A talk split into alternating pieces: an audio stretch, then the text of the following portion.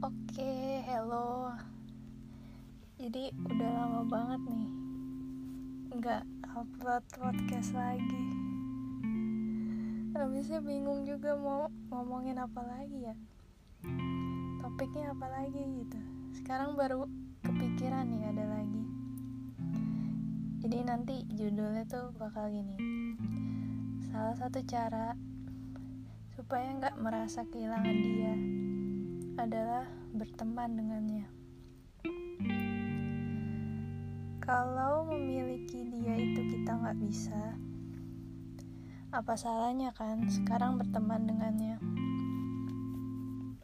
Menjadikan dia sebagai teman kita itu bisa jadi salah satu cara alternatif yang sebenarnya bullshit sih kalau kata gue karena kita sebenarnya masih ada sisa-sisa perasaan kan sama dia nah makanya itu. Kita milih buat berteman aja. Mungkin alasan yang pertama itu biar nggak lost contact.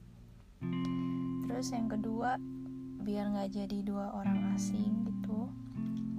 Dan yang ketiga biar nggak aneh aja gitu rasanya. Sebenarnya kita nggak mau langsung kehilangan dia. Begitu aja kan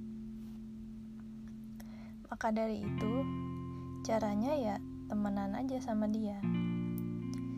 Padahal mungkin dalam hati kita masih sayang sama dia. Supaya tetap masih bisa komunikasi baik sama dia. Caranya ya jadiin dia temen lu. Padahal mah bisa jadi aja salah satu dari kita masih nyimpan perasaan.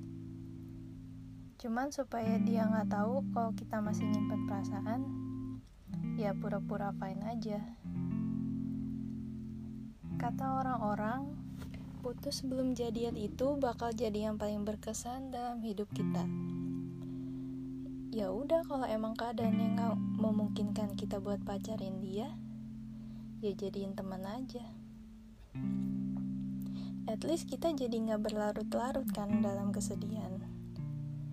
Kita masih bisa ngobrol biasa lagi sama dia dan satu hal terakhir ya tinggal nunggu waktu aja sampai kita nantinya punya pasangan masing-masing.